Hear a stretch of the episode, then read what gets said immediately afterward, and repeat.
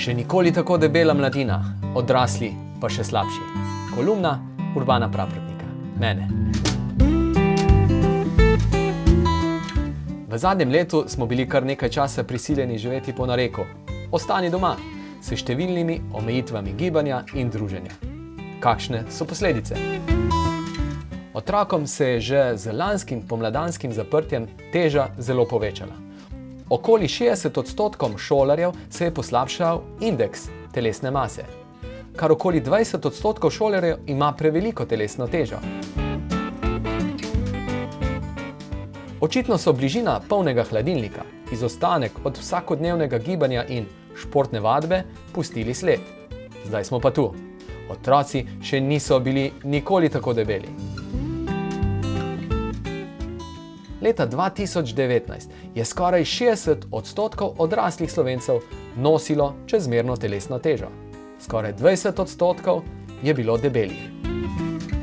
Zelo verjetno pa se je v tem zadnjem letu stanje še dodatno pomembno poslabšalo. Kdaj bomo odprli oči? Čas je, da se vprašamo, kaj lahko naredimo, da se naši otroci in seveda tudi mi ne bomo še kar naprej debelili. Kajti dalj časa, ko se otrok, mladostnik in odrasel človek redi, težja je pot do zdrave telesne teže. Odlašanje z odkritim soočenjem z odvečno telesno težo je le povečevanje težave. Kajti dalj časa, ko smo čezmerno hranjeni, to čezmernost naše telo lažje sprejme za običajno.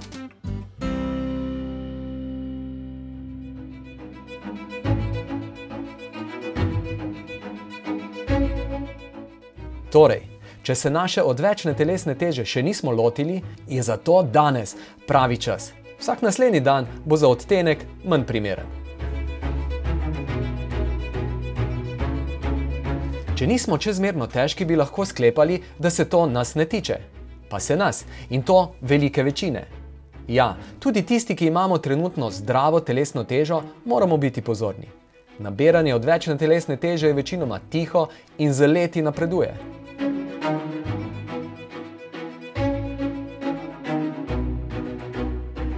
Samo pomislimo, če na dan pojemo le eno jabolko preveč energije, kot je porabimo, se nam shrani 10 gramov maščobe. To ni skoraj nič, pa vendar to v enem letu znese skupaj približno 3,5 kg, kar spet ni veliko, a se v desetih letih nabere za 35 kg. Ja, čezmerna teža je bolezen, ki se povečuje z leti. Med odraslimi starimi od 25 do 39 let jih je le 45 odstotkov čezmerno težki ali debeli. V starosti od 55 do 64 let pa kar 70 odstotkov.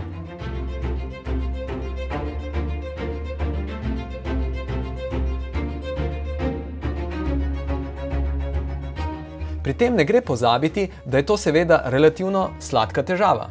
Na eni strani zato, ker je imeti 35 kg preveč namreč veliko bolje, kot pa imeti 15 kg premalo.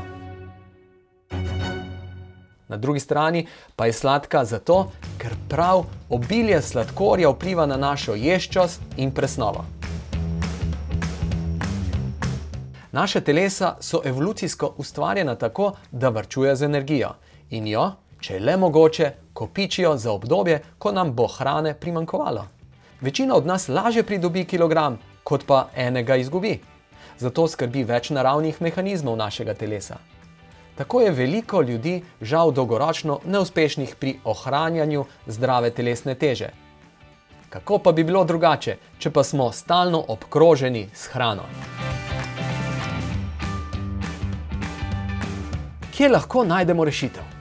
Res je, da je za zmanjševanje odvečne telesne teže ključen predvsem način našega hranjenja. Jejmo raje premišljeno kot pa zaletavo in po trenutnem navdihu. Nekateri pravijo, da nam telo najbolje kar samo pove, kaj in kdaj je najbolje, da jemo.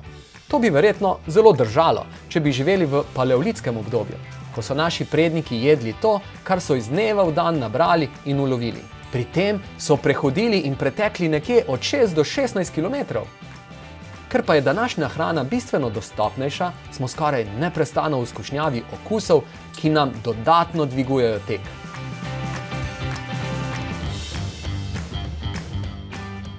Lakota je potreba, ki jo hitreje nasitimo z manj okusno, manj dostopno hrano. Hkrati pa vemo, da je lakota najboljša kuharica. Takrat tudi manj okusna hrana postane okusnejša in jo jemo s toliko večjo hvaležnostjo. Rešitev je torej v tem, da si zmanjšamo dostopnost do zelo okusne hrane. Takšno hrano jejmo le ob posebnih praznikih. Takrat bomo znali še toliko bolj občutiti prazničnost. Pri samem izgubljanju telesne teže je gibanje manj pomembno od hrane. Ključno pa je za ohranjanje zdrave telesne teže. Dodaten zdravilen pomen gibanja pa je pri zmanjševanju trebušne maščobe, ki bolj kot podkožna maščoba škodi našemu zdravju. Hkrati pa seveda redno gibanje prinaša še dodatne stranske učinke, ki se jih ne bi prav nihče branil.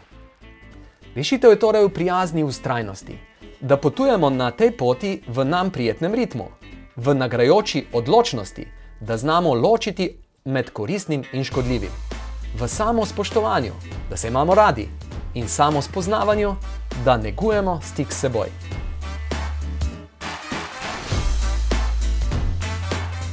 Vsak dan poskrbimo, da ne bomo ostajali lačni prijaznosti, bližine in topline. Močnejši v tem duhu bomo lažje vitkejši v telesu. Naslednji teden vas vabim k razmišljanju o naši presnovi. Poskušali si bomo odgovoriti na vprašanje, zakaj je velika večina shujševalnih diet učinkovitih na kratek rok, a žal neučinkovitih na daljšega. Zdaj pa pojdimo ven, pojdimo v naravo.